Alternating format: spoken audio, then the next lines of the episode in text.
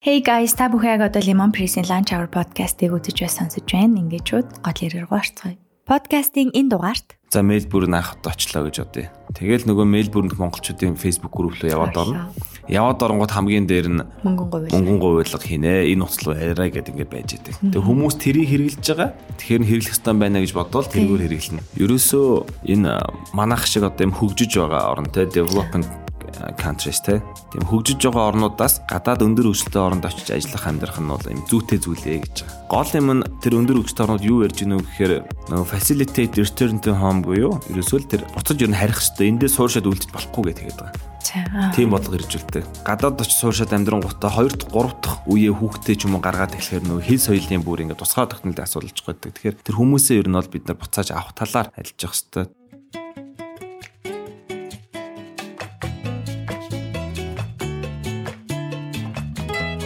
Lunch Hour Podcast. Бидний подкастаа бэлтгэн үргэлжлэх Lemon Studio-ийн зочны судал дээр тун удахгүй буюу 9 дугаар сарын 26-нд IPO хийх гэж байгаа Сэнли банк бус санхүүгийн байгууллагын төлөөлөл өдөртөх зөвлөлийн дарга Наранбат хүрэлцээрсэн байна. Подкаст манд автаа мэрэл. Баярлалаа. За танд энэ өдрийн мэндийг хүргье. За өдрийн мэндийг хуурсанд баярлалаа.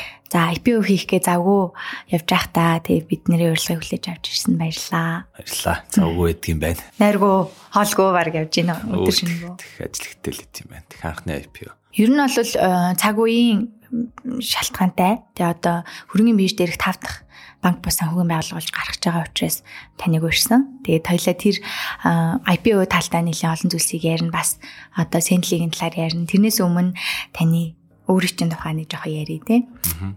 За та ер нь ямар карьерийн төвхтэй хүн бэ? Яаж явж байгаад банк бус байгуулчихваа? Юу болвоо? Тэр талаараа бид дэдэд эхлээд ярьж. За би чинь болохоор 8-аас 12 он сангийн амд ажиллаж байсан мэрэгчлэлтэн. Тэгээ тэр үуч нөгөө хямралын 8-9 оны хямрал гээл тэ санхүү засгийн бодлого тэ санхүүгийн засал хариуцдаг байсан. За. Тэгээ 12-оос 16 арилжны банкнд төрийн банкнд хөрөнгө зохицуул трэшери тэ санхүү хариуцанд эзэхэрэл хийжсэн. Тэгээ 16 оны намар банкны ажлаа өгөөд хувийн бизнес ихсэн юм түүхтэй. Тэгээ яг дөнгөж ажиллаа өгч зүүм даазаар бэкпэк өгөрсөтэй айл хийж ажиллаж явж байгаад тэгээд ийм мөнгөн гуйлгын тухай олж мэдээд хурал цуглаанд нь суугаад тэгээд тэрнээс хойш олон улсын мөнгөн гуйлгыг ер нь монголчууд хийх ёстой байна гэж бодоод судалж шинжиж явж байгаа л 20 оноос эхлүүлсэн түүхтэй. Өөрөвчтэй аялал хийж явж байгаад бизнесийнхаа санааг олсон гэсэн үү сая? Яг хоо тэр үуч нөгөө би чинь ер нь өргөвчтэй аялал хийх дуртай. Зүүм даад ер нь баг бүх орныг дуусгацсан. 13 онд нэг 5 6 орноор сүүлд 16 онд нэг бас нэг 6 7 орноор аялсан. Энэ түүхт. Тэгээ энтэгт очиж тэр нэг International Money Transfer Conference гэдэг дээр 9 сард оролцоод тэгээ тэрнээсээ тойрж яваад аялаад Непал ороод тэгэл тэр хавийн бусад орнуудаар аялж исэн. Тэгээ ер нь бол яг хуу мөнгөн гуйлах чинь Непал гэдэг орны хувьд бол баг дотоод нөхдөдхүүнийхээ 30% нь бүрдүүлдэг хүн амынхын 4.1 нь гадаадад ажиллаж амьдарч идэг. Тэгэл тэр уул усаар аялаад явсан гот юм тэнд дандаа money transfer гэсэн нэг юм түүцсий түүцсий юмуд байдаг. Тэгээ тэр нь их хөгжсөн тийм улс. Тэгэл тэр оронд ирсэн бас туршлага судалж ингэж явсан. За мөнгөн гуйлга гэдэг чи одоо энгийнээр одоо гадаад гадаадын улсуудаас хоорондоо мөнгө шилжүүлж байгааг л хэлж байгаа биз дээ. Тий яг нөгөө бизнесийн шилжүүлгүүд гэж байдаг. Одоо юу гэдгийг Монголд бараа оруулж ирж тий цахилгаан бараа ч юм уу зардаг компаниуд бол тэр тухайн улс руу бол том дүнгээр банкар шилжүүлждэг. А гэтэл нийт дэлхийд дээр чинь баг 300 гаруй сая хүн ийм бид нар шиг юм хөгжиж байгаа орнуудаас өндөр хөгжилтэй нөгөө 20 эд орн дээр чи ажиллаж амьдраад тэгээ их орн руугаа мөнгө шилжүүлдэг. Тэгээ энэ төөрөө а 1970-аад оноос хойш нэлээд хөгжсөн ийм зүйл. Тэгээ бидний сайн мэдхээр бол нөгөө Солонгост манай нэг гэр бүл болгоны нэг нэг төлөөлөл нэг Солонгост тий дээр үесээ сүүлийн баг 20 гаруй жил явлаа дээ тий. Тэгээл шивэд бэлэгч гэдэг юм Америкч гэдэг юм байдаг. Тэгээ угаасаа тэр хүмүүс чинь мөнгө шилжүүлдэг. Тэгээд тэр чих үнийн дүн багт 100 200 доллар дээр их өндөр шимтгэлтэлх байдаг. Тэгээ мөнгөн гуйлга гэдэг олон улсын мөнгөн гуйлга гэдэг юм хөгжсөн юм түүхтэй юм байл л дээ. Бидний мэдгч юм бол нөгөө Western Union MoneyGram гэдэг банкуд дээр нэг юм хаяг зооцсон байдаг шүү дээ банкны салбарын хажууд. Тэгээ тэрэн шиг үйлчлэх гэсэн үг. Шууд одоо мөнгөн гэх гайхаад байгаа л гайхч үзэгчж магадгүй шүү дээ сонсогчд маань гайхаж байгаа. За юу мөнгөн гуйлга вэ гэгээд би нөгөө эхлэхдээ нэг тав дахь банк бус санхүүгийн байгууллага гэж хэлсэн чинь шууд хоёлаа мөнгөн гуйлга яриа. Тэгэхээр гайхаж магадгүй. А ер нь бол Сентли болохоор банк бус санхүүгийн байгууллага мөн үг гэвэл мөн тэгээд за одоо яг Монголын зах зээл дээр 500 гаруй банк бус санхүүгийн байгууллага байгаагаас 38-ны мөнгөн говьлог хийх тусгай зөвшөөрлөлттэй гэж явдаг. Тэрний нэг нь болохоор Сэнли. Аа тэгээ ингээд хэлжүүл бас ойлгомжтой болох. Тэгээд яг Сэнлигийн хувьд болохоор ерөөхдөө яг энэ мөнгөн говьлгаа илүү ялгарлаа олгож явдаг гэж ойлгоод шүү дээ. Тий бид нар ч нөө 20 онд л анхны үйлчлэгийг аппликейшнээ нээсэн. Тэгээ тэрнээс ч хойш одоо 2 жил ахсан хугацаанд нэлээд олон гүйлгээ хийцэн. Гүйлгээний дүнч бас болцооны болоод трак рекорд ингээ үүсээд явж байгаа. Энэ дээрээ үндэслээд ирээдүйд бас өөр бусад орнуудыг нээн үсгээг нэмэгдүүлнэ, ашиг орлогоо нэмэгдүүлнэ. Одоо олон нийтийн болж байгаа гэсэн тийм юм байна. За би ярьслууд эдрээс нь харж байхад өөрөө ч юм болохоор энэ мөнгөн гуйлга дээр яасан гэсэн чинь нэг 2016 онд нэг гадаадаасаа найзаасаа мөнгө шилжүүлэх хэрэг болоод тэгээ тэн дээр нэг юм ханшийн зөрүүнээс болоод аягүй хөөрэ алдагдал хүлээгээд тэгээд энэ зах зээл рүү нэлээд одоо сайн судалж орсон гэх нэг тиймэрхүү юм олж уншсан юм би. Тэгээд яг одоо тухайн үед өөрөө чинь тэр судалж эхэлж байгаа за 16 он ч юм хэдэн он ч юм яг ямар асуудлууд гардаг гэсэн. За банкнууд үйлчлэгээ үзүүлдэг гэсэн юм байна. Гэтэ яг асуудал нь юу вэ? Тий яг одоогоор Монголд ч байгаа бусад орнчсан байдаг нэг юм албан бос мөнгө гуйвалдаг хаваалаа гэж юм байдаг юм байна. Байсан байлээ. Би мэддэхгүй байсан. Би ч банкнд байхдаа бас яг л гадаад төлбөр тооцоо SWIFT тэгэл Master Visa гадаад харилцаа хариуцдаг. Тэгээд нэг чухам лаг өөрийгөө банкир гайгүй ер нь мэддэг болчлоо. Тэгээ Монголын банк санхүүгийн систем бас өндөр хөгжилтэй гэж боддог байсан. Тэгээд нэг найз руугаа Австрал руу нэг мөнгө шилжүүлчээ. Тэгээ би 100000 австрал доллар буцааж шилжүүлж авах болоод. За. Тэгсэн манай Swift-ээр шилжүүлэн банк орно. Тэгээ банкн дээр ч юм бүглэн төвхтэй юм аа. Энд байгаа хүнд би 100000 одоо австрал доллар ч өгч өнгөт 30 минутаар Монголын хаан банкнаас чи дансан дээр авчих гэхээр өө тэгээ ямар амар ингээд хүлээг авцсан. Тэгээ Монголд болохоор би нөө төврөгөөр нь хүлээж аваад тэгээ ханшийн зөрүүг харангуут би бараг 200 300 доллар юм шимтгэл төлцсөн. Тэгээ нь яахлаараа юм бэ гэсэн чи ерөөсөө л одоогороо ч гэсэн ийм үзэгдэл айгүй байгаа. Хой хүмүүс би эндээ дамжуулж шийдвэрлэх хийдэг. Тэгэхээр нөгөө иргэд талдаа нэгдүгээрт бол ханшийн эрсдлийн хөрөлтэй. За тэгээ сая ковидын үед бас нэлээ их өмнө ч байдаг байсан юм бэл нэг лойр би нэг хуурам эхэлдэг зүйлс их гарч ирдэг те. Тэгээ фейсбүүкээр нэг одоо аккаунт нэгээл мөнгө шилжүүлнэ гэж тэгдэг. Дансандаа үлээж явангууд нөгөө фейсбүүкийн аккаунт нь алга болчдөг ч гэдэм юм уу те. Тэгэхээр нөгөө ер нь бол энэ чиглэлийн нөгөө санхүүгийн лойр их байдаг. Тэгээ хүндээ болохоор шимтгэл их юм өндөртэй байна гэл. Тэгээ яахлаар ийм байдгийг би чи энэ хаагуур явж исэн ингээд. Тэгээ интернет Google тэгэл баахан судлангууд эн чинь онлайн мөнгөн гуйлга юм money transfer operator тэгээ мөнгө гуйлгын тусгай шүүл олон улсын тэгдэг гэл юмнууд нь гарч ирээд. Тэгээ судлахаар тэр энэ тэглүү зорж явсан. Тэгээ тэнд Монгол улсаас анхны оролцсон төлөөлөгч болж очиод оролцоол. Тэгээ энэ чинь дандаа нөгөө том том акулууд байна. Манийга тоохгүй тэгэл хүй хүй хүй хүй би Монголоос явж байна гэл. Ямар учиртай юм бэ гэдэг. Тэгээ Монголд нөө жижигхэн орон тий нөгөө ерөөсөө санхүүгийн бизнес бүх төрлийн бизнес угаасаа нөгөө волюмны асуудал байгаа шүү дээ тэр 3.2 сая хүн амтай тэр 200 сая доллар жилдээ эргэлддэг мөнгө улаан зах зээл гэхээр нэг тоодоггүй. Тэгээ CED ч гэсэн нөгөө аа бид нар нөгөө өөрсдийнхөө хил дээр өөрсөндөө зориулсан юм хийх хэрэгтэй байна гэж бодвол зүтгэсэн. Одоо ер нь энэ үйлчлэгээнийхэн цар хүрээний хэр байна. Одоо жишээ нь би хаа нэгтээ Европын улсад ажиллаж амьдардаг бол тийм Монгол руу шилжүүлэхэд танах байгаа юу? одоо аппликейшн л гэж ойлгоод байна шүү дээ тий ярианаас бол тэгэхээр мэдээж хаанаас ч гэсэн татаж авч болно интернетээ бол За тэнгууд би Азийн айл нэг оронд байгаа бол иш явуулах боломжтой юу. Тэг яг нийт нэг 30 гаруй улс байгаа гэд э, тэгжсэн шүү дээ тий. Тий яг ялгаа нь өмнөх э, Монгол байсан кейс ч юм болохоор дэлхийн 100 эдэн орныг холбосон мөнгөн гуйлган сүлжээ Монголд нэвтрлээ гингүүтээ Монголын энэ манай банкуд болон зарим санхүүгийн байгууллагууд нөгөө Монголд төлөөлөгч нь болчдөг тий. Одоо Apple-ийн Монголд төлөөлөгч гэдэг шиг. Тийм. Тэгтээ нөхдүүд э, Тэгсэн тохиолдолд нөгөө гадны тэр Monogram Western гадаад аппликейшнуудаа хэрэглэнэ. Тэгээ тэр нь нэрөөсөө тийм одоо дотнд биш монгол хэл дээр байдаггүй ч гэдэг юм уу те. Гадны орныхан болохоор мөнгө гуйлга яаж хөтсөн бэ гэхээр угаасаа л банк ороход бол төвхтэй гадаад байгаа хүмүүс. Тэгээд Америк англитэй бүх нь тийм одоо супер англиар ярьдаг байж чадахгүй те. Энд чинь яг ажиллаа хийж байгаа хүмүүс чинь тэгээ нэг юм жоо хүнд юм бариартай. Тэгээ очоо 2 3 удсан бүгд төвхтэй. Тэнгүүт бусад орнууд яаж Непал эдэр энтэг яаж нэгэнгүүт яваад оронгууд нөгөө хүж мүжээ хасаацсан нөгөө яг нөгөө Непал орчин, энтгэг орчин тэр ай майн үйж идэг. Тэгжээж нөгөө тухайн орнуудад тэр Америкийн том том хотууд ч гэдэг юм уу ингэж оршдог. Тэг бид нар яасан бэ гэхээр монгол хэл дээр аппликейшн хийж өгөөл монгол залуучууд хийцэн. Тэг мэдээж олон улсын тэр банк санхүүгийн одоо байгууллагуудын шаардлага хангах гэж өндөр шалгууртай. Тэгээд Европын холбоо орн тэр Америк, Япон, Австрали бидний орцсон байгаа орнуудаа монголчууд бол татаж аваад аппликейшн хэрэглээл Монголынхаа ээж аав руугаа 24 7 дурын банкны дурын данс руу мөнгө их болцоод болсон юм л хөдөлтэй байж байгаа. А нийт зах зээлийнхэн бид нар ч одоо 21 мянган хэрэглэгч гэдэг чинь нэг гадаад 200 мянган байгаа гэх юм бол 10 орчим хувьд нь хүрсэн. Тэгээ цаашдаа бол нэг 30 40 мянган монголчууд татах болцоод л байгаа. За сонсогч талдаа очиод би бодож үзье гэхээр э, гадаад руу мөнгө шилжүүлээд үзээгөө эсвэл авч үзээгөө хүн байлаа гэж бодъё. Тэ жишээ нь би бол бүр одоо 10 марун жилийн өмнө юм нэг докторгаар мөнгө гэдэр явуулчихдаг гэсэн штэ. А тэр үед ингээд би мөнгө гэдэр хүлээж авч исэн. Америкаас тэрнээс хойш юусэн юм тийм шаардлага гараагүй гэх юм уу. Тийм байж болно штэ тэ жишээ. За яг ирээдүйд мэдээж надад тийм шаардлага гарна. Ойлгомжтой одоо би мөнгөн гуйлгахыг шаардлага гарна. Гэхдээ таныг ялгааг энгийнээр хэлээд өгөхөд банк угаасаа тэр үйлчлэгээ хийж байгаа штэ.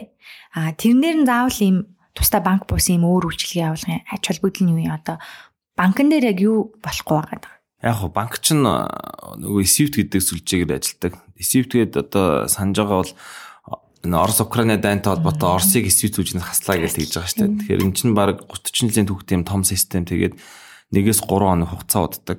Тэгээд шимтгэл нь үнийн нэг үсгэл хамаарад одоо 20 30 долларын үнэтэй байдаг. Тэгэхээр нэг 200 доллар шилжүүлж байгаа хүн чинь 40 доллар шимтгэл төлчих юм бол 20% шимтгэлтэйг өндөр. Та манайх чинь бол нэг 300 долларт 4 долларын шимтгэлтэй гэхээр илүү амар хэлбэр. А яагаад энэ банк хижээтэл сендли явах хэвээр хийх хэвээр гэхээр угаасаа олон улстай энэ мөнгөн гуйлга remittance гэдэг юм чинь банкуд ер нь хийхэ болоо дандаа энэ онлайн аппликейшн мөнгөн гуйлгын тусдаа бие даас юм гурав дахь байгууллагууд хийдэг болсон. За дээр нь одоо нөгөө финтек шилжилт гэж яриад штэ. Дижитал шилжилт гэж яриад байгаа. Дэлхийн нийтэд яг адилхан аа хэрвээ харах юм бол нөгөө MoneyGram Western Union нийт сүүлийн 10 15 жил хувьцаа нааш нэг унаад байгаа. Яаж нэхэр нөхдүүч нөгөө улс орон даяар нийтдээ 20 30 мянган юм салбар сүлжээ те. Тэр салбар сүлжээгийг чи ажилуулна зардал ихтэй болно. Тэгсэн чинь зөрүүлээд тэр Ria Wise World Limit гэдэг Remelt гэдэг энэ онлайн аппликейшны нөхдүүдийн хувьцаанд тасралт төөсөд байгаа. Тэр чинь онлайн яаж нөхөө тэр чинь нөгөө дижитал учраас зардал бага учраас Тэгэхээр нэг зүйлсгэнд ноогдох өртөг багтаа учраас хүмүүстэй тэгж хямдхан үстэй үзүүлж чадчихж байгаа. Тэгэхээр нөгөө тренд нь яалчгүй өөрөө ийм болж байгаа зүйл. Ерөнхийдөө бүр ингээнээр ойлгочих нэг мөсөн одоо мөнгөн говьлог гэдэг те. За би ингээд солонгос руу сурахаар явлаа гэж бодъё. За эхэндээ очиод мэдээж ингээ халаасны хідэн төгрөг маань одоо дуусчлаа гэж бодоод гэр бүлээсээ ч юм уу тэр Монголоос нэг мөнгө авах шаардлага гарлаа.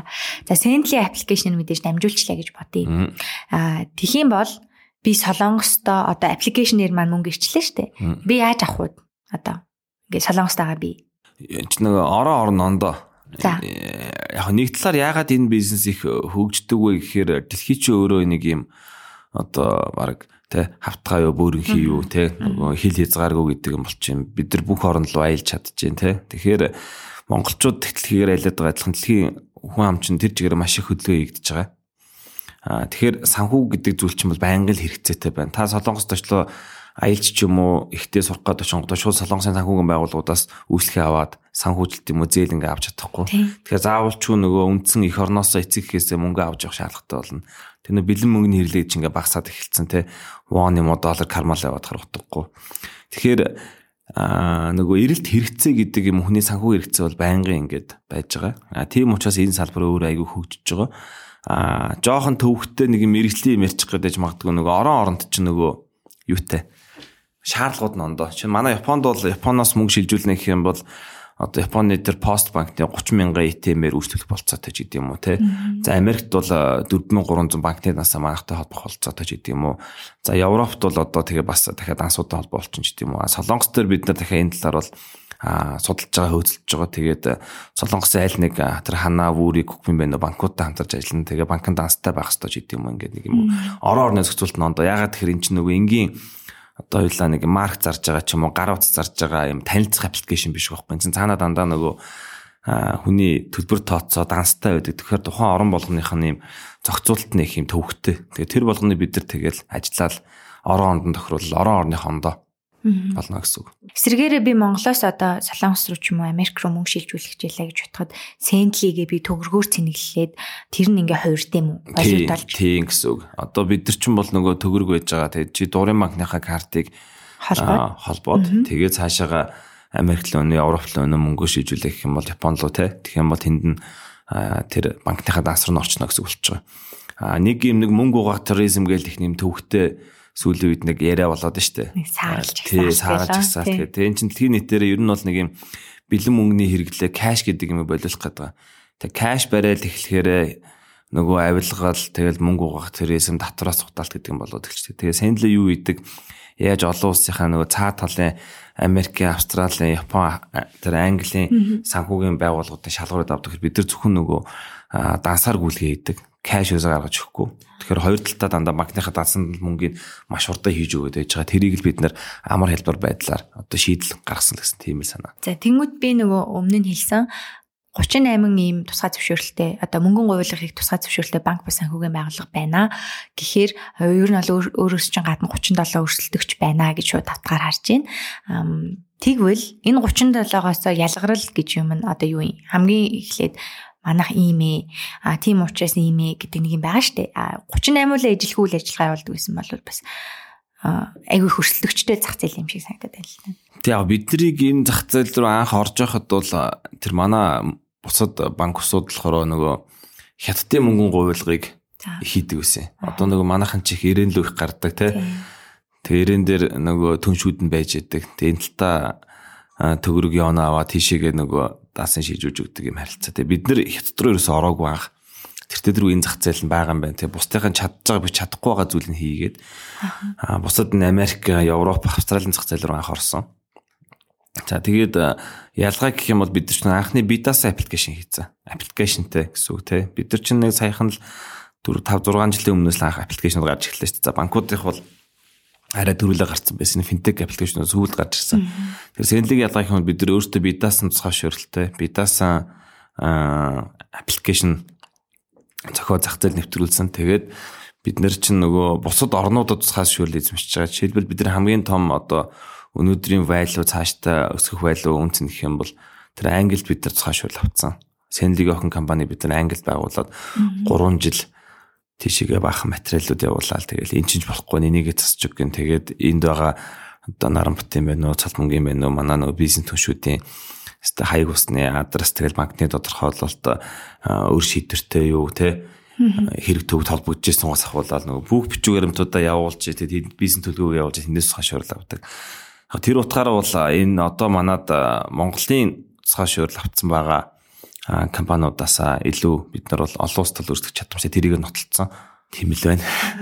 За тэгмүүтэй штэ. Одоо Sendly ингээ за аппликейшнуд байлаа. За банк босууд ийм үйл ажиллагаа явуулж илээ гэж бодоход ямар ч зах зээлт чинь нэг юм одоо юм underground хэсэг гэж байгаа шүү дээ. За одоо нөгөө өмнөх өөрийг чинь мэддгүү байсан шиг одоо ч гэсэн тэр юм байгаа шүү дээ. Нөгөө хувь хүмүүс шилжүүлж өгдөг энэ төр.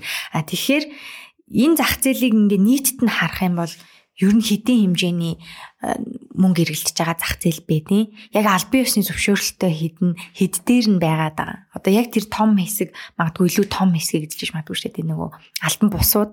Тий. Ер нь бол олон улсын судалгаар бол 50% гэдэг юм лээ. Яг Монгол шиг юм жоохон одоо системийн айлттай хөгжөөгөө байгаа тэг мөнгөн гуйлгын одоо супер үйлчлэгээ бас яг гарч ирээ үүс бид нар хөгжүүлэл явж байгаа ч гэсэн.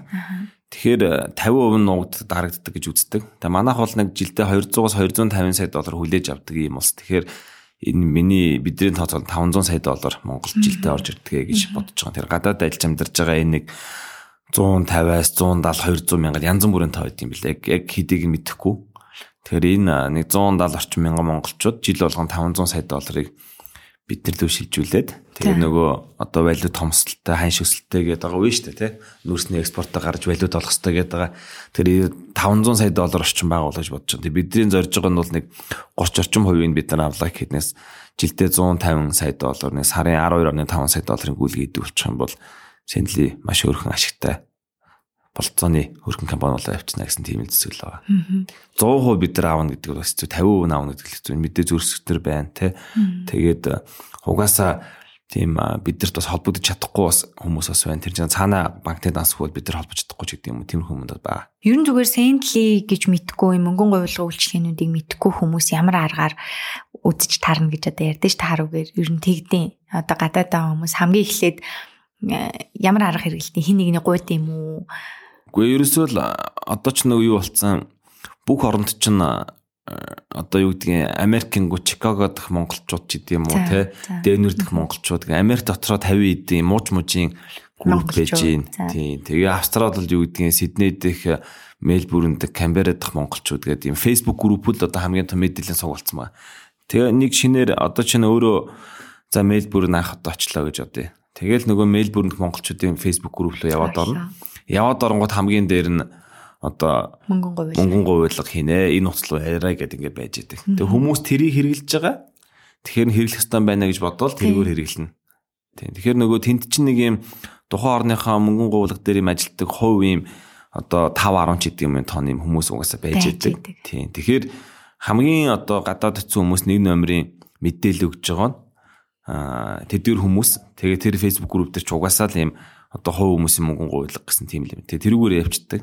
Тэгээд нөгөө түрүүний хэлээд байгаа тэр хүмүүс чинь солигдно Facebook аккаунт нь өөрчлөгдөн зарим нь бол яг одоо найдвартай сайн шилжүүлж байгаа. Тэгтээ тэр ханш тэгсэл дээр ханшин дээр болохоор өндөр шимтгэл авдаг. Зарим нэг тооны нөгөө хуурдаг, холигддаг нөхдүүд байж байгаа алга болдог. Тэгээ гадаадаа хүн чинь нөгөө тухайн орныхаа цагдаа тандаж чадахгүй Тэгээ Монгол руугаа цагдаа тандна. Тэгэхээр монголчуудын цагдаа гадаадад болсон хоёр монгол хүн бие бинийгаа хуурц асуудал дээр бид яалтай байлаа гэх юм асуудал байдаг л дээ. Бид нар бас цагдаагийн ерхий газартаас хамтраад энэ чиглэлээр нь аян одоо нэвтрүүлээ. Нөгөө эн чинь дахиад нөгөө санхүүгийн боловсролын асуудал болж байгаа. Тэг бид нар энэ гадагшаа явж байгаа 170 мянган хүн мэдээлэл өргөж чадахгүй. Энэ чи их зардалтай. Тэ энэ хэдэн зуун Facebook группүүд дээр бид нар байнгын зар тавиад байж чадахгүй. Тэр чи хүнтэй. Те тэр группүүд чи эздүүд нь өөр админууд нь өөр хүмүүс хов хүмүүс байж байгаа. Бид нар яалт тавиад байж гэдэг юм уу? Тиймэрхүү зүйлсүүд бол би за ер нь яг мэдээлэлтэй олцсмаа сайн биш дээ те янз бүрийн илүү дутуу хүнтэй одоо юу гэдгийг тэр одоо лувер байх боломжтой шүү дээ мөнгө гэдэг чи өөрөө жоох эрсдэлтэй юм учраас тэгээ аль бие усны э, зүйлсүүдийг өгн мэддэг байхад айгүй олон асуудал шийдэгдэх нь байна. Янз бүрийн группээс яг шаардлага болох нь. Тэгээд би бол одоо жишээ нь удахгүй гадаадад цуурэ гэдэг төлөвлөгөө байгаа Тэгэхээр тэр үед мэдээ шууд хэрэг болно гэсэн үг. Одоо үдчихэж байгаа сонсож байгаа хинч бай.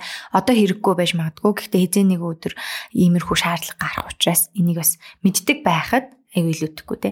За та хэд болохоор аппликейшнтэй байна. Нөгөө үлдсэн 38 маань а аппликейшн тийм үү? Яг одоо юм аппликейшнтэй гэдэг хідэн мөнгөн гуйлгын юм байна. Нэг компани байгаа манайх дэх төхүү нэртэй. За. Тий, төөрөгдөл үүсгэж байгаа. Тэгээ бид нэр бас нэг оюуны өмч зүмч гээл нэг шүүх мөхийн процесс бол явж л байгаа юм. Одоо IPO-ных үеэр нэр усаар нь цоллоод Тэгээ сайн муугар яриад яг уу. Аа яг уу бидний өрсөлдөгч бол ерөөсөө банкуд. Аа да. Тэг бид нэр бусад банк усуудтай л өрсөлдөхгүй. Яагаад гэхээр нөгөө бусад банк усуудын болон банкуудын хийгээгүй бид нар хийцэн.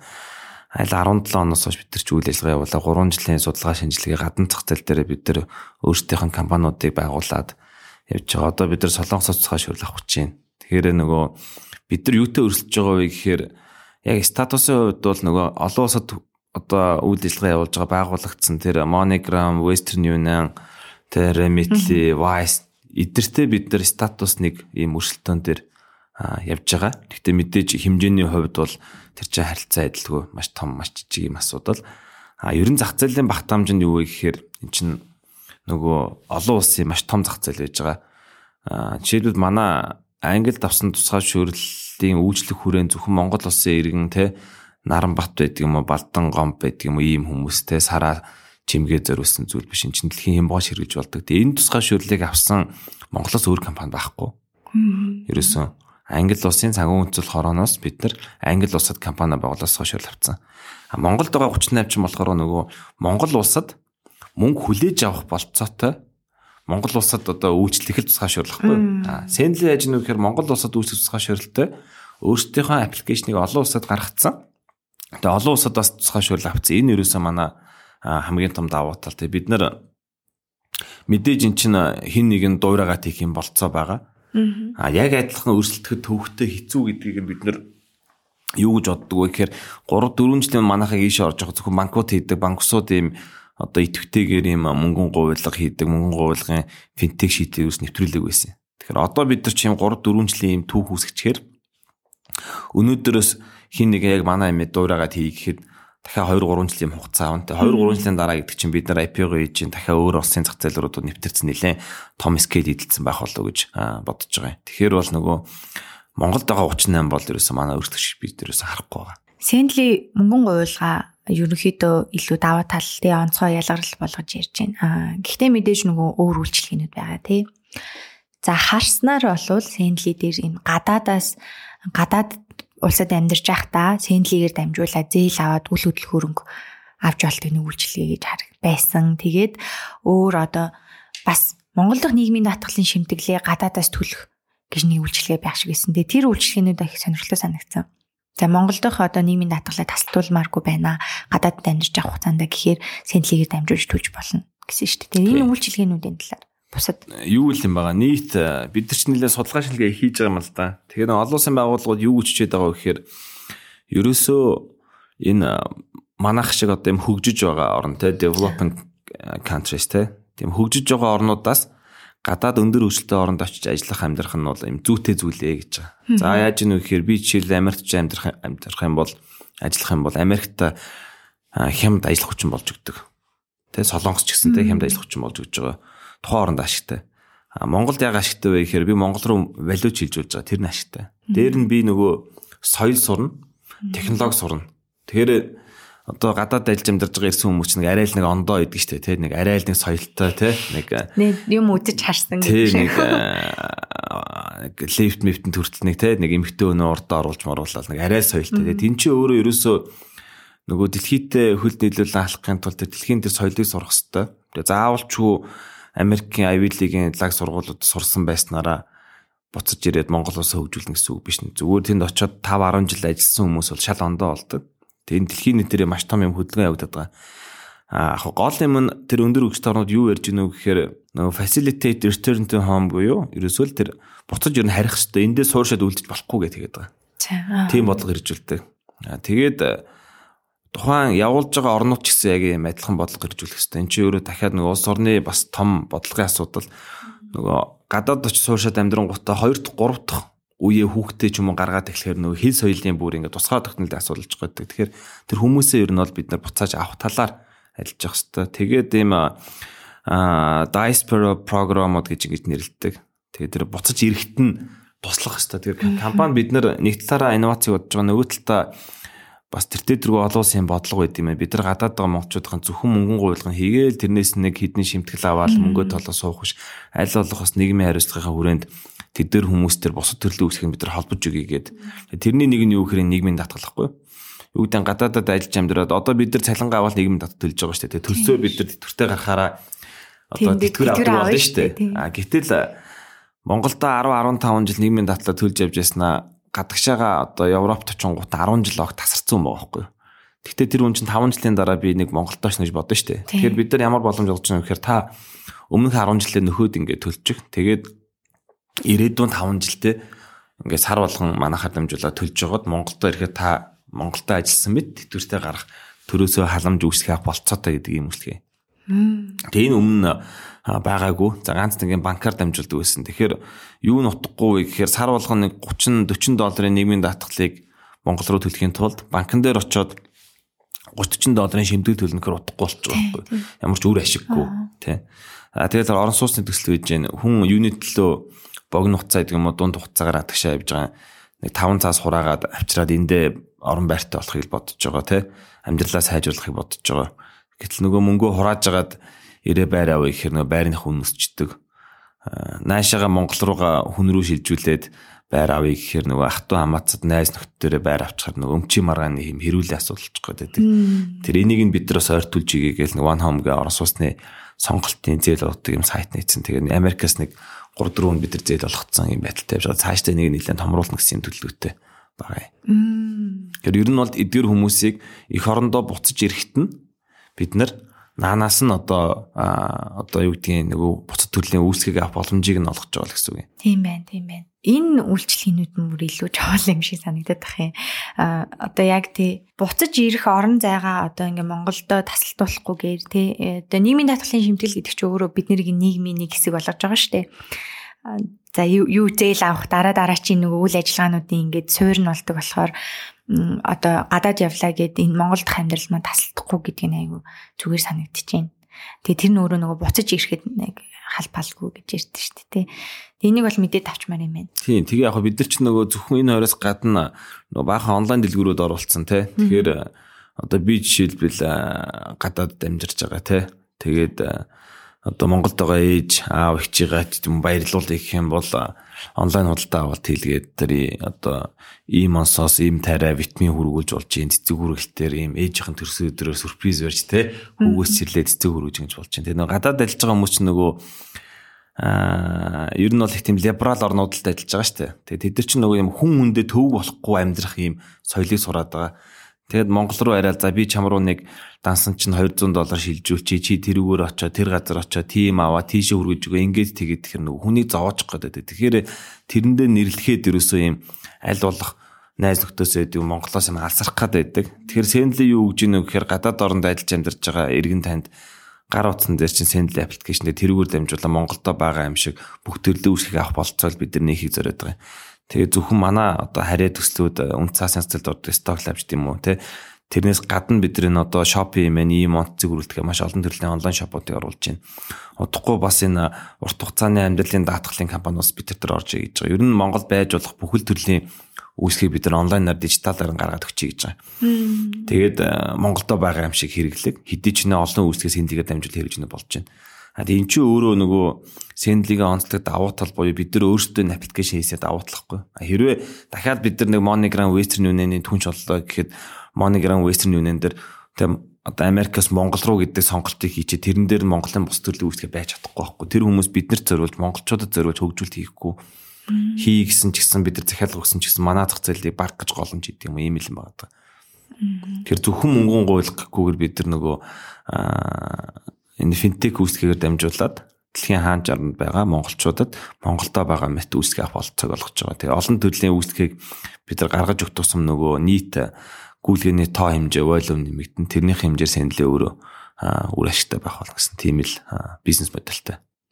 Жил дунджаар ер нь Монголоос хэдэн хүн гадаад орнууд руу ингэж одоо дунджаа штэ тэ ингээ явж идэгин. Тэгэхээр танаа хэрэглэгчийн тэнд чин сегмент явчихна гэсэн үг штэ тэ. Тэгэхээр тийм тоо тогтмол нэг хэд тавьцсан хүн ингээд ер нь бол нэг 170 орчим мянган монголчууд гадаад байгаа. Тэрний нэг 3-ны 1 нь баг оюутны шух хүмүүс оюутнууд байгаа бах. 3-ны 2 нь бол юм суурьчмал ажиллаж амьдардаг ийм хүмүүс. Тэгээ хугацаануудаа сайн зөмөр солонгос арай богино хугацаатай Америк, Европ арай урт хугацаатай ч гэдэм юм. А нийт Монголоос бүр гадагшаа аялж байгаа хүмүүс бол 2 сая Манай хүн амын баг 3-ны 2 нь бид нар ямар нэгэн байдлаар гадагшаа явж гин те. Богино хугацаагаар их хвчлэн аялал цай зугаалга энэ ихтгэл там байдаг юм уу, хайнан байдаг юм уу те. Манжуур тэгэл Хонконг, Бээжин те ингээ явдаг. Яг ковид үеэр багассан.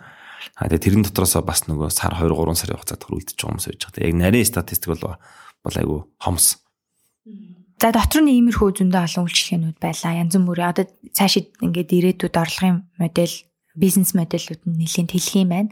За тэгээд одоо ер нь бол банкны IPO яригдчихэж байгаа юм үе байгаа тий. Ингээд хөрөнгөний бирж дээр хүн болгон банкны IPO яригдчихэж байгаа энэ үеийг угтаад өмнө нь ямар ч исэн IPO хийх гэж байгаа юм байна.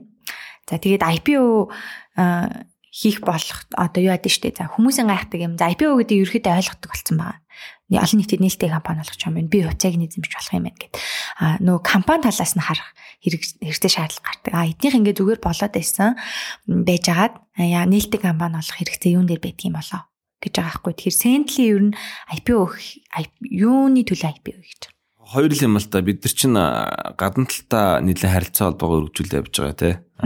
Түрүүн би нөгөө англи солонгос хэлсэн дахиад бид нар WeChat-ийн партнер болсон ч гэдэг юм Тэгэхээр ер нь олон улсын байгууллагатай хамтын ажиллагаа сайжруулахад олон нийтийн одоо засаглалтай компани болцсон байх нь бол ерөөсөө нэн тэргүүний асуудал нөгөө зүгээр Наранбат очоод тий гэрээ байгуулъя надад зээл олгооч тийм стратегийн төлөвлөе гэхээр чи хин бэ Наранбатаа чи сайн үү муу өнөр асуудал шүү дээ тий хэр найдвартай алга болчвол яах юм те гэл олон нийтийн босон гэдэг чинь бол ерөөсөө одоо компаниг тэлэлт болон хамтын ажиллагаан дээр маш том юм ихтгэл найд итгэлцлийг юм өгж яадаг. Тэгээ эдий чинээ олон нийтийн болчоо тэрэн дээр идэвхтэй үйл ажиллагаа явуулдаг хөрөнгө оруулж хувьцаа эзэмшдэг харилцаа сайтай байдаг. Тэгээ амснаа бэлдүүлдэг байх хувьцааны ханшнаас те доктортой байдаг байх нь бол компани юм одоо имижийн асуудал тий. Тэгээ энэ бол нэг номер асуудал бид нар энийг хийжээ цаашаа явах хэрэгтэй. За хоёр номерт бол компани нөгөө хөрөнгө санхүүгийн асуудал бага хэмжээний хөрөнгө санхүүгээр би их ашиг хийгээ ингээ явах уу юмаа саваа томруулж агаад ашигын хэмжээ бага боловч нийт дүнгээрээ надад одоо үндсэн одоогийн хөрөнгө оруулалт ашигтай авах гэдэг ийм асуудал. Тэгэхээр ерөөсөө л компани тодорхой хэмжээний үн цэнийг бий болгоод ашигтай ажиллагаанд ороод тэгээ дараагийн түвшинд орохдоо IPO хийдэг угсаа. Тий. Яг нэр хүндэд яагаад хэрэгтэй вэ гэхээр ер нь компани IPO хийх гэж маш олон шат амжилгыг давдаг, олон шалгуурыг давдаг. Тэгээ олон аудит ордог, олон юм болж иж бид нэр ингээд олон нийт бидний компани эзэмшигч болоход асуудалгүй гэдгээ батлах гэж бөө юм болж байгаа учраас тэр ихтгэл даадаг гэдэг үг нь тийм утгатай шүү дээ тийм. Тийм, ерөөхдөө л. Ер нь их ажиллагаатай юм байна. Бид нар ч баг бүтэн жилийн процесс боллоо шнэ. Өнгөрсөн 11 сараас хойш л хөөцөлдсөн. Тэгэл яг үр дүнд нь манай бичиг баримтууд маш сайжирж байна тий. Аа нөгөө Солонгосын Rhines чинь бидэртээ due diligence нэг сараас эхлээд 7 сар дуусчихсан. Тэр хооронд чинь бид нар бас икерийн даалгавар хийлээ, их сайжрууллаа. Тэг компани өөрийнхөө бас өрсөлдөх чадамж бас их сайжирт юм байна. Нөгөө стартап бизнес чинь бид нар нөгөө зөвхөн урдхан хараад хэрэгэлдүүлэл тэлээд тэлээд яваад байдаг. Аа яг юмаа ингээд ялангуяа тэр бичиг цаас тайлан пүнлөө тэгэл нөгөө вебсайт publication гэл тэрэн дээрээ тийм жоохон дутууд баялаад зөвхөн бизнесээ нэмэгдүүлэх нэг тал дээр ингээд аялаад өгсөн бол одоо бид нар өмнөхөө хараад өөрсдийнхөө материалыг бол маш чамбаар сайжруулж байгаа. Тэр бол бас нэг сүүлийн жилд гарсан маа айгу том өсөлт. За IPO ярьсных IPO-гийн талаар нь би мэдээллүүдийг өгчээ. Ер нь бол 9 сарын 26-нд IPO эхэлнэ тий. Одоо ер нь тунд өгсөн байна энэ подкаст цацагт явцснаас удаачгүй л ер нь бол IPO болох юм байна. Тэгээд нэг ч хувьцааны үнэлгээ бол 150 төгрөг. Нийт татан төвлөрүүлэх дүн 10 100-ны 5 тэрбум төгрөг. За шинээр гаргаж байгаа хувьцааныхын тоон 67 сая ширхэг хувьцаа. За тэгтээ нийтэд санал болгож байгаа эзэмшлийн хувь нь 29 100-ны 97%. 35 тэрбум тий. Тэгээ энэ 75% буюу 7.5 тэрбумын стратегийн хөрөнгө оруулагчтай. Тэгээд 2.5 тэрбум нь олон нийт буюу дундаж хөрөнгө оруулагч нараас босох юм билээ. Тэгээд стратеги хөрөнгө оруулагч нар нь ер нь бол энэ дүн дээрээ бүрдсэн үү? Тий, стратеги 7.5 маань бүрдсэн. Сая бид нар нэг өдөр манд санхүүгийн нийтлэлтэй хөрөнгө оруулалтын гэрээ байгуулад тэгээ манд санхүүгийн нийтлэлс манад тэр стратеги хөрөнгө олж орж иж байгаа. Манай тузад суун. Тэгэхээр нөгөө бас өөрсдийнхөө хөрөнгө оруулалтыг хянах хамгаалах тий манай өсөлтөнд бас нөлөөлөх зөвлөх чиглэлээр ингээ ажиллаа явчихна стратеги бид нар чинь нөгөө 9 18 24 сарын хугацаатаагаар ингээд локапын төгжиж байгаа. Тэн чинь өөрөө бас Монголд одоо цоо шин зүйл. Өмнө нь болохоор нэг бидэрт нөгөө ажиллагддаг гэсэн хувьцаа нэг гарангуутаа нэг жоох өсдөг. Тэгээ 6 сарын дараагаас ингээ унцдаг тий. Тэгээд яг хөө миний хувийн хардалт гэх юм бол нөгөө стратегийн хөрөнгө оруулагч нар 6 сарын хугацаатай төгжчихдэг. Тэгээ анх юу гэдгийг 100 төгрөгөөр хувьцаа авлаа гэхэд нөгөөх нь 6 сарын дараа 135 140 болчих юм бол өө газ гарчээ гарчээ гарчээ гэдэг ингээд нөгөө одоо speculator mindтэй байна гэсэн үг л тэ. Тэр компанид юу гэдгийг 10 жил 5 жил хүлээгээд өөрийнхөө оруулсан хувьцааг 5 10 дахин өсгөхөө бодохгүйгээр нөгөө богино хугацаан дээр нь ингээд мөнгөө гаргацдаг. Тэг бид нар ч ерөөсө богино хугацааны хөрөнгө оруулагч одоо арт түмэн үндэстэй шүү дээ. Нийт банкны хадгаламжийн 90% нь 1 жил байдаг нэг жилийн дотор л бид нар чи богино хугацаа тийм байж уртаар төлөвлөж чаддаггүй яг хоримтл багтай ч гэдэг юм олон юм байгаа л да. Тэрнээс бид сэргийлээд манай хөрөнгө оруулагч нар бол бид нартэй урт хугацааны хамт түнш байх, урт хугацаанд хамтран ажиллаж чадах ийм хүмүүсийг сонгоноо. Тэгээ та хоёр 6 сар дээр ингээ гарах сонирхолтой бол бид нар тэргээ уучлаарай. Тэгээ бид нар нийт 7.5-га 2.5 2.5-аар 3 хуваацсан 9.18 24 гэсэн болчих жооо. Тэгэхээр нөгөө би жишээлбэл стратегийн 7.5 та жишээлбэл нөгөө жижиг хувьцаа эзэмш байлаа гэж бодоход та бол одоо 150 төгрөгөөр авлаа гэхэд маргааш нөгөө өдөр нь л зарах буцаагаал авах те бүр нөгөө daily trade хийсэн ч болох байхгүй юу? Өглөө наваад оройдоо зарах ч гэдэг юм өдрийн нийт арилжааны дунд нь хэдэн удаж ялжааг нээлттэй гэсэн. Тэгэхээр нөгөө мэдээж нөгөө компани хувьцаа одоо өсөх манайхан ч одоо гадаад хувьцаа нэлээд аваад эхэлчлээ тий. Тэгээд нэлээд одоо туршлагатай болж байгаа бох тий. Тэр удирдлын репортууд чухал юм байна үйл ажиллагаа ашиг нь өссөн юм өсөөг юм уу те? За Netflix гэх юм бол одоо нийт subscription тоо нэмэгдсэн юм уу нэмэгдээг юм уу яасан ингээл те?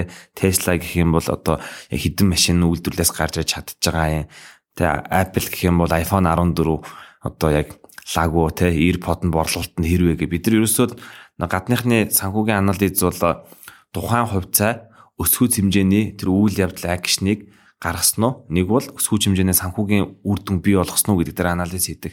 Тэгэхээр та тэнд одоо юу гэдгийг үеийн бусад компани компани санхүүг үзүүлэлтэн дээр гой за одоо өсгөр болчлоо, уруудахаар болчлоо гэх ингээд арилж байгаагээ байж итал тэр компани үнцгүүдээс нас үл хамааран нөгөө том хувьцаа эзэмшдэр нь кэш аут хийгээ гараад эхэлчихээр нөгөө Монголын хөрөнгөний засагч ойлгохдохой байж эхэлж байгаа. Тэгэхээр бид нэр ойлгогддог байхын тулд доктортой байлгахын тулд таны эрх хэчийг хамгаалахын тулд тэр 7.5 тэрбум дээр нэлээд а одоо хашир тэгээд юм урт хугацааны Монголд анх удаа төлөлтийг хийж байгаа. Яг хуу стратегийн хөрөнгө оруулагчны биднийг бас хүлээн зөвшөөрж орж ирж байгаа шалтгаан юу гэх юм бол манай үнэлгээ бол одоо маш бага байгаа. Бид нар өөртөө 10.9-тэй 10-ыг татна. Тэгээ 20 тэрбумын өөрийн хөрөнгөд 33.5 буюу 1.6-гийн одоо book priceтай байна гэдэг бол урд хожид Монголын банк усуд бол даатгалын компаниудаар байгаагүй. Богд банк бол арай багаар гэсэн. Банк бол ер нь бол хизээч тэгж 2 3x тэрөөсөө байдаггүй. Нэг дунджаар нэг 1.1-ээс 1.25 л байдаг. Одоо ингээ олон тоо яриад эхлэхээр ер нь жоохон талгаа хэрэгтэй байна. Юу аасан юм бэ лээ? Сэнли болохоор 2022 22 2020 22 оны эхний хагаст 2.2 тэрбум төгрөгийн ашигтай ажилласан.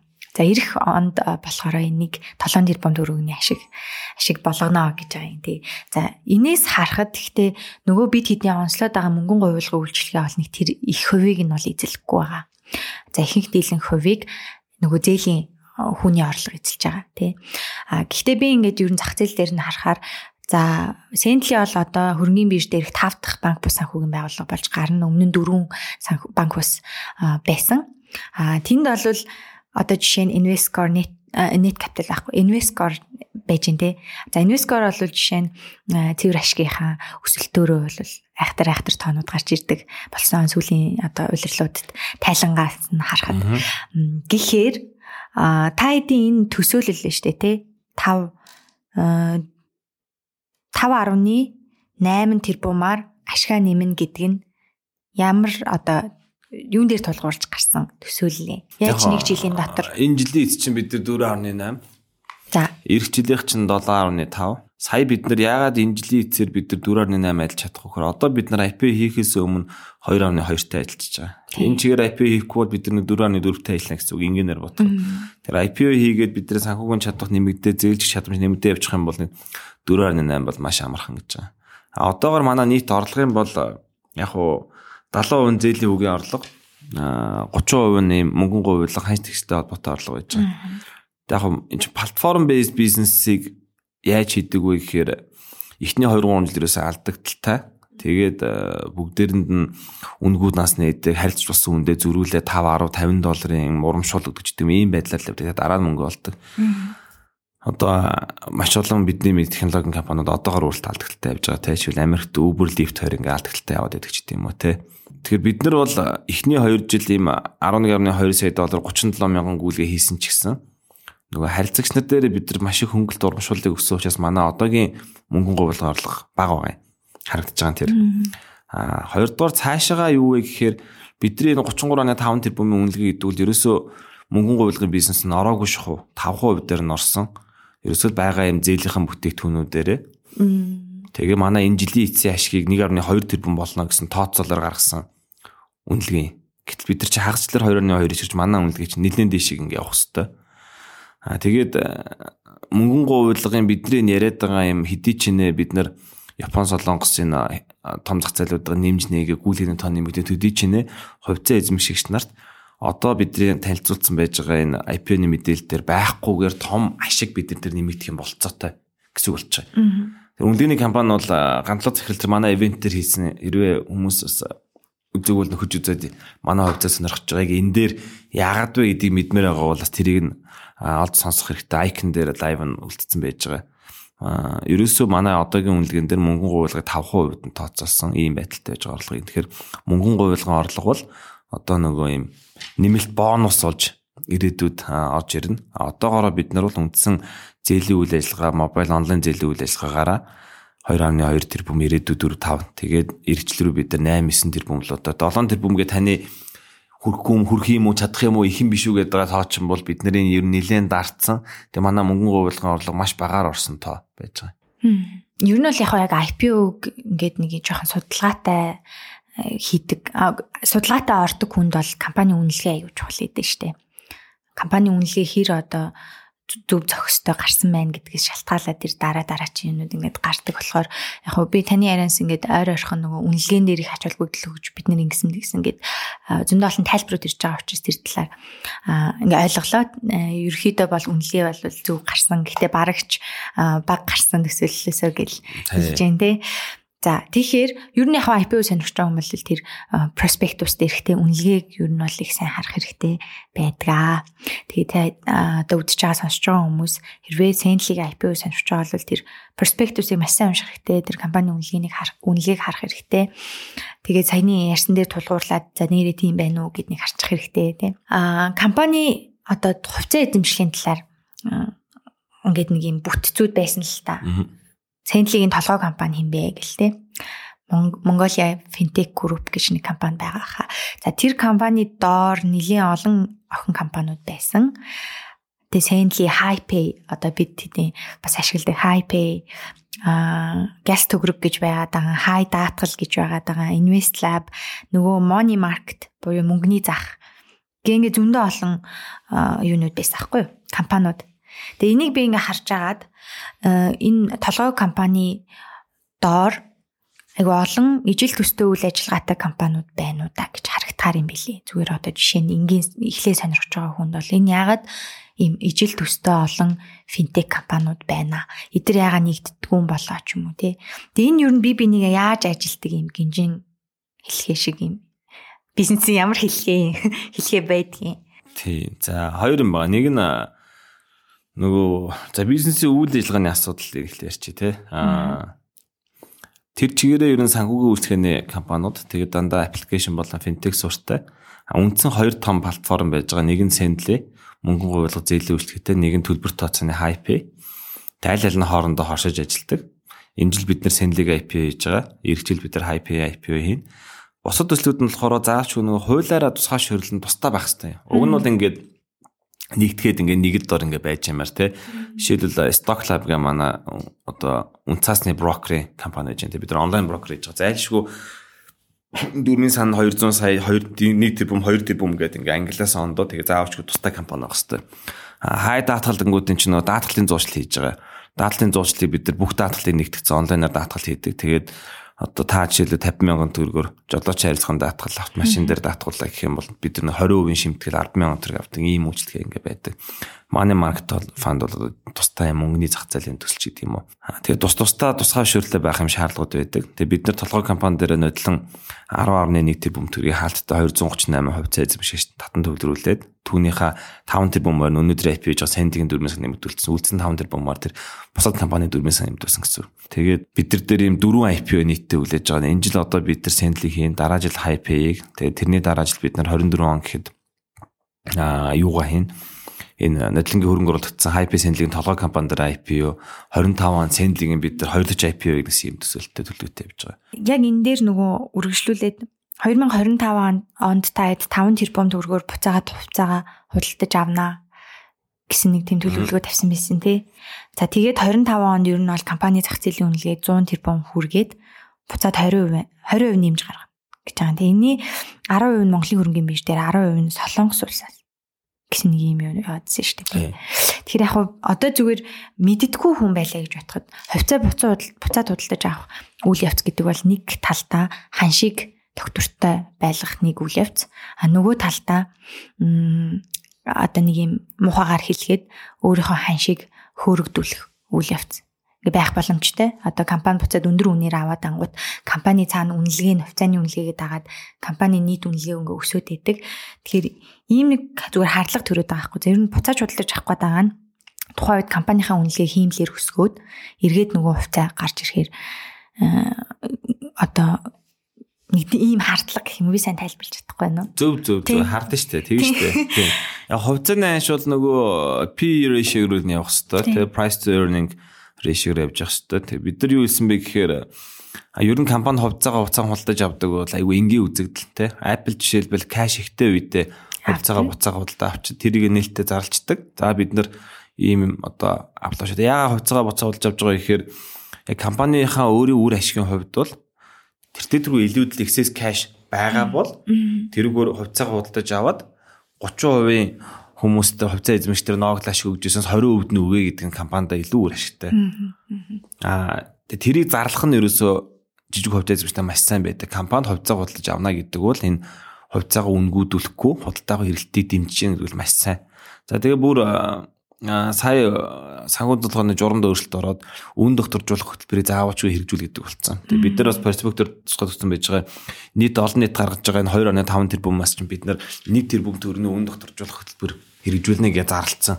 Перспективсрээ байж байгаа. Тэгэхээр энэ бол одоо бас маш сайн зүйл. Хувьцаа гаргачлаа алга очихгүй гэсэн үг байхгүй. Компани тэр мөнгөө 100% тэр бизнестэй зарцуулаад нөгөө жижиг хувьцаа эзэмшигчтэй хайрлах, тооглох, үн ханшаа доктортой ойлгохоор анхаарал хандуулахгүй байна гэдэг бол буруу. А бид нар тэрийг нээлттэй зарлж байгаа. А хоёр дахь чиг хийхин тулд бид нар айгүй ингээнээр бодоход нийтдээ 30%-га паблик төр гаргасныгаа нэг 5 тэрбум орн буцаа худалдаж хэрэг хувьцааны хүн одоо өсөхгүй 150 байх юм бол бид нар 15% буцаага авчна гэсэн үг болж байгаа. Тэгээ нэмээд бид нар 20% гаргахаар дайлушн хийгдэнэ. А өсөх юм бол бид нар нэг 10 орчим хувиал авна гэдэг зарлчиж байгаа. Тэгэхээр энэ бол одоо маш эрүүл. Аа тэгээд хөрөнгө оруулагч хувьцаа эзэмштэйгээ хамгаалсан юм бодлого. Та хэлсэн нөгөө худалдаж авсаар байж байгаа одоогийн хувьцааныхаа шиг те 5 10 20 дахин өсөх юм биш үстэйгээд энэ үр ямарч боломжгүй. Нөгөө бас дахиад нөгөө coin-оос ялгаатай шин дээр байхгүй манай хувьцааны анш нөгөө price to earning ratio-гаараа бол одоо хэдийн хэмжээний одоо жилдээ ашиг олж байна тэгэхээр өнөөдрийн 150 чинь 200 хад болох юм байна юм уу 300 хад болох юм уу нэг бол 100 хад болох юм байна гэдэг юм тэрнээс харагдана. Компани өөрөө алдагталтай явах юм бол хувьцааны ундах хэрэгтэй. Тэр өндөр хувьцаатай байгаа одоо утгагүй компани жил болгоно тогтсон ашигаа хангалттай хийгээ ингээ явах юм бол компани хувьцааны ааш өөрөө өсөж явах хэрэгтэй. Ер нь бол одоо авах хэвээр мэдээллүүдээ би айгуусаа авчлаа гэж бодож байна. Аа таны зүгээс өөр ер нь IPO дээрээ онцолж байгаа ч юм уу те. Тиймэрхүү зүйлс юу вэ? Одоо Сентлиг IPO авч байгаа хүн ер нь энийг мэдчихвэл зүгээр шүү. Ингэчүүл зүгээр шүү гэдэг нэг тиймэрхүү үнцэг байна уу? Миний асуугаагүй. Яг хоёр юм байгаа. Байж болох бүх төвшөнд IPO өндөө бэлдсэн. Тэгээ ноолоо IPO хийж байгаа хийх учраас эхнийхээ бид амжилттай хийх хэрэгтэй гээд тэгээ тэгсэн хэдий ч гэсэн нөгөө олон нийтэд төдийлөн өмнө нь мэдээлэлээ сайн өгж байгааг юм болохоор юм асуултууд их байгаа. Энэ яадаг нөхдүүд үү те одоо цаана хэн байгаа мага гэдэг ярэмээр гарчсан байлээ. Бид нар чинь тэгэл 5 6 жил бизнес хийлээ те аа нөө хуулийн фирмүүд аягүй сайн ажилтдаг те манай хөрөнгө оруулагч нар дотор одоо юу гэдгийг улс төрч гэдэг юм уу те хэрэглэх толбочоос нэг ч хүн байдаггүй. Те ямар нэгэн том групп компани корпорац байдаггүй. Дандаа бид нар жижиглэнгийн хүмүүсээс мөнгө осгодог ер нь эдгээр найдвартай юу юу гэх өмнө аягүй олон компаниуд гараад алаад байгаа нь хятад байгаа будаа олгоод байгаа нь итэг те зүгээр итэг зүгээр даг мөнгө чүржүүлээд өгье гэж тэгжсэн юм шүү аа. Тэгээд тэрний алийнхын зөв бурууг мэдэхгүй те. Яг хуу ягаад сэнди дээр орчвол зүгээр вэ гэхээр тэр дээр бол явж хөдөлхийн нэтэр энэ нэг санхүүгийн бизнес ч хамгийн ашигтай юм байна. Одоо финтек инвестмент ерөөсөө л энэ remittance одоо онлайн лендинг, макро лендинг дээр л бүх сүүлийн финтек VC инвестментүүд ингэ явж байна. Өмнө нь бол ингээл маш олон төрлийн юмд оруулдаг гэсэн бол нөгөөдөл нь бас төдийлөн хугацаа шаардаад байна л да. Платформ бис байнгын алдагдaltaй ингээд юмаа нэмэгдүүлж байгаа л нөгөө big data гэдэг юм бий болгодог болохоос шууд нөгөө cash generate хийдэггүй. Тэгээ cash generate хийдэг чинь ерөөсөө л энэ банк усын бизнес юм байна. Аа бид нар яг мөнгөн говьл олон улсын дэлхийд гарцсан бизнес гэдэг нэг жоохон PR хэрэгжилж байгаа. Тэгээ яалтчгүй банк ус гэхээр манайхаас банк усын нөө нэг мөнгө хүүлэгч нар гэдэг ингээд нэлээд жоох нэр үндэ унгах гэдэг. Тэгээ яг бодит байдал дээр хувьцааны хөрөнгө оруулах хийж байгаа хүнд ашиг нь чухал. Тэр ямар компани ашигтай хөрөөсөө санхүүгийн бизнес. Өнөөдөр яга банкуд IPO хийж байгаа Монголын хамгийн том компаниуд ямар компаниуд гэсэн банкуд шүү дээ. Тэ. Тэ яг хуу ялгаахгүй л банк чинь санхүүгийн санхүүгийн тэ танд мөнгө өгөн танаас нэмэгд мөнгө өсгөл буцаагаал авж байгаа тийм л бизнес шүү дээ. Тэгэхээр дэлхийн нийтээр тийм юм байна. Одоо манайх чинь 10 хэдэн компаниас хамгийн түрүүч хамгийн ашигтайгаар гаргаж байгаа юм дээр байхгүй. Тэгээ яалтчгүй хамгийн ашигтай энэ одоо мөнгө гуйлахын зээлийн бизнес гэдэг банк усан сэнлийн дууш тараад байгаа. Нөгөө талдаа энэ Монголын хүн ам чинь ингээ өсөд явна тий удахгүй 4 сая болох ба. Тэгээ гадаад амьдарч байгаа монголчууд чинь 400 500 мянга болох магадaltaй. Тэгээ магадгүй манай хүн амын 3.1 чинь гадаад амьдарч болно шүү дээ. Тэгээд 3.1 гадаад очиод соёл сураад мөнгө болоо их орон руугаа мөнгө шилжүүлдэг. Зөрүүлээд бид нар нэг 2 сая гадаад хүмүүсийг энд бас зарцлаад ажиллаж болно шүү дээ. Тэ? Why not? Тэгэхээр Сэнлигийн зорьсон байгаа зах зээл өөрөө өснө. Энэ хоёросөө л нэмэгдэнэ. Тэгэхээр одоогийн 200 мянган монголчууд чинь цаашаа ингээ байнгын нэмэгдэнэ өснө. Санхүүгийн бизнесээ нэг гоё нь юу вэ гэхээр нэг харьцуулчих юм бол ер нь нэг гардаггүй гаргадаггүй те одоо та хэд бол одоо өөрөө нэг банкны харилцагч байгаа те тэр банкны аппликейшнд айгу тасцсан юм те дуртай ингээ байдаг. Тэгэхээр ерөнхийн салбар нь бол айгу тажгүй зүгээр салбар. Тийм тэгээд бид нар нэлээд хийцэн юмнууд байгаа. Зөвхөн мөрөөдлөө яриаггүй. Одоо ямар ч дэд үтцийн хөгжүүл юу ч хэрэггүй мэдээж өдөр тутам алхам тутмаар бид нар хөгжил сайжруулад үндсэн мөнгө олдог системээ хийцсэн учраас ашигтай. Тэгээ банкудтай харьцуулах юм бол банкнаас илүү өндөр ашигтай. Гэхдээ банкнаас эрсдэлтэй. Тэ банк ч бол дээр үед 20 эдэн банк байсан. Одоо 12 3хан банк үлдлээ. 12 банк байсан сүүлд ийм банк авчихаар 13 банк. Тэрнээс хамгийн том шалгарсан 5 банк л IP гэж. Тэгэхээр энэ 5 банк бол нэг одоо өнгөрч унаа дампуураад ингээд байх нь бол одоо маш бага Тэ эдгээр бол маш доктортой. А тэг хэдийчний доктортой хэмжээгээр нөгөө RU ачид дүүлийн коэффициент тэ таны яг хувьцаа олж авсан сая төгрөг ноогдох ашиг нь бол сэнлигээс бага. А сэнлэг чинь болохоор банкуудын хажууд чинь таван банкны хажуулах юм бол шин залуу. Одоо ийм жоохон докторгүй нэг юм хурдтай тий тэрнийх хэмжээр манай ашигт ажиллагаа өндөр. А илүү өндөр маржинтай ажилтдаг бид нар хөрөнгөний зах зээлийн маш том давалгаа орж иж байхад заавалчгүй оролцох хэрэгтэй. Гэхдээ өөрийнхөө мөнгийгөө одоо тараан байршуулах хэрэгтэй. Яагаад вэ гэхээр хүн 5 сая төгрөгийг сая сая төгрөгөөр нь 5 банкнд хувааж хадгаламжийг дэг өгцөө байхгүй. 5 банк бариад очин тэг гэрээ байгуулна. А одоо өнөөдрийн финтек чинь баг бүхэл банкуд брокеринг компаниуд чи аппликейшнтэй болчихлоо шүү дээ. Тэрүүгээрээ дамжуулаад 5 хувьцаа авах бол одоо маш амар хэлбэр болцоотой. Тэгэхээр сэнди бол өндөр өсөлттэй банкудтай харьцуулах юм бол гэтээ мэдээж одоо дампуурах магадлал нь бол банкуудынхаас өндөр. Яагаад тэгэхээр 5 том банк бол маш тогтвортой байхгүй юу? За энэ дээр нэг би нэг залруулга хэлчихье. А ямар ч ийсэн хүр одоо бид хэд подкастаараа дамжуулаад ямар нэгэн хөрөнгө оруулалтын шийдвэрт нөлөөлөх нөлөөлдөггүй гэдгийг хэлдэг. Одоо юу гэдгийг Сендлигийн бит хоёр хувьцааг ярьлаа гэж бодоход авах авахгүй хэсэг нь цэвэр одоо 100% хөрөнгө оруулагч сонсож байгаа үдж байгаа хүн өөрөө судалж, эрсдлийн тооцоолж сая бол яг аваарэ гэж хэлсэн боловч эрсдлийн хэлж гин. Аа тэгээд нөгөө хувьцаа аавна гэдэг шийдвэр чи өөрөө би ер нь хэр тогтвортой юм хүсэж гин вэ? Эсвэл өндөр өсөлт үзүүлэх хувьцаа хүсэж гин үү гэдгээс шалтгаалаад бас өөр байдаг шүү. Тэгээд ер нь өндөр өсөлтийг харж байгаа бас өндөр эрсдэл дагаж явж байгаа гэдгийг би зүгээр сануулъя. Аа дисклеймер буюу залруулга шүү сайн. Тий, тий. Би нөгөө одоо манай дараач нөгөө банкуд гарч байгаа. Тэгээ банкуд ч нөгөө маркетингаа хийгээд эхэлсэн. Тэгээд өө сэнди бол жоохон штэ мохон штэ гэдгсэн байл ганц нэг. Тэгээ алтан биш л ахал. Гэтэ яг нөгөө үнэн бид нар ч юм бол банкудаар судлаж жоохон. Тэгээ тэрнийхээр бид нар яг ихтэй байхаар бид нар ч яг баг мөнгө өсгөж байгаа. Тийм. Аа манай хөрөнгө оруулагч нарыг бид нар юу гэж хэлж байгаа вэ гэхээр нэг газ мөнгө өсгөөд гарчий гэж байгаа хүмүүс бол манайх тэрэггүй те. Бид нар бол одоо олон жилд олон дахин өсгөнө гэсэн л ийм үнцний бий олон гэсэн ийм л зорилготой. Тийм цөөхөн сард цөөхөн хуваар өсөхгүй те.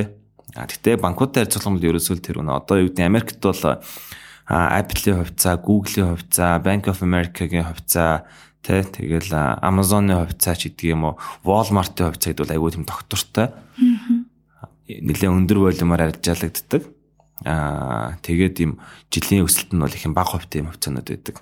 Гэтэл хажуугаар нөгөө нэг финтекүүдийн хувьцаа чинь те Netflix-ийн хувьцаа савлгаа ихтэй, Tesla-гийн хувьцаа бол их савлгаа ихтэй, Elon Musk юу гэж TVT нүгээс ингээд өсрөөд ээж байгаа те. Тэгэхээр нөгөө Монгол талдаа хэлэх юм бол нөгөө банкуудын хувьцаа бол яг л тэр Америкийн томууд шиг юм илүү юм доктортой, найдвартай юм хувьцаанууд. А манайх бол илүү нөгөө технологийн учраас илүү юм хурдтай хөдөлгөөнтэй гинт ашиг нь одоо төлөвлөгөөнөөс 2 3 дахин давж биелэх магадaltaй. Гинт ашиг нь 50%-аар тэ биелэх юм магадaltaй. Ийм л төрлийн бизнес нөхгүй банкудаас ялгаатай нь юу вэ гэдэг юм бол. Тэгэхээр хүн нөгөө портфолиогоо үүсгэхдээ бол тэ банкнаас ч манахыг ч авд би бол зөвлөгөө нь бол тэгж хэлж байгаа. Гэхдээ ерөөхдөө бол би олон подкастаараа хэлдэг.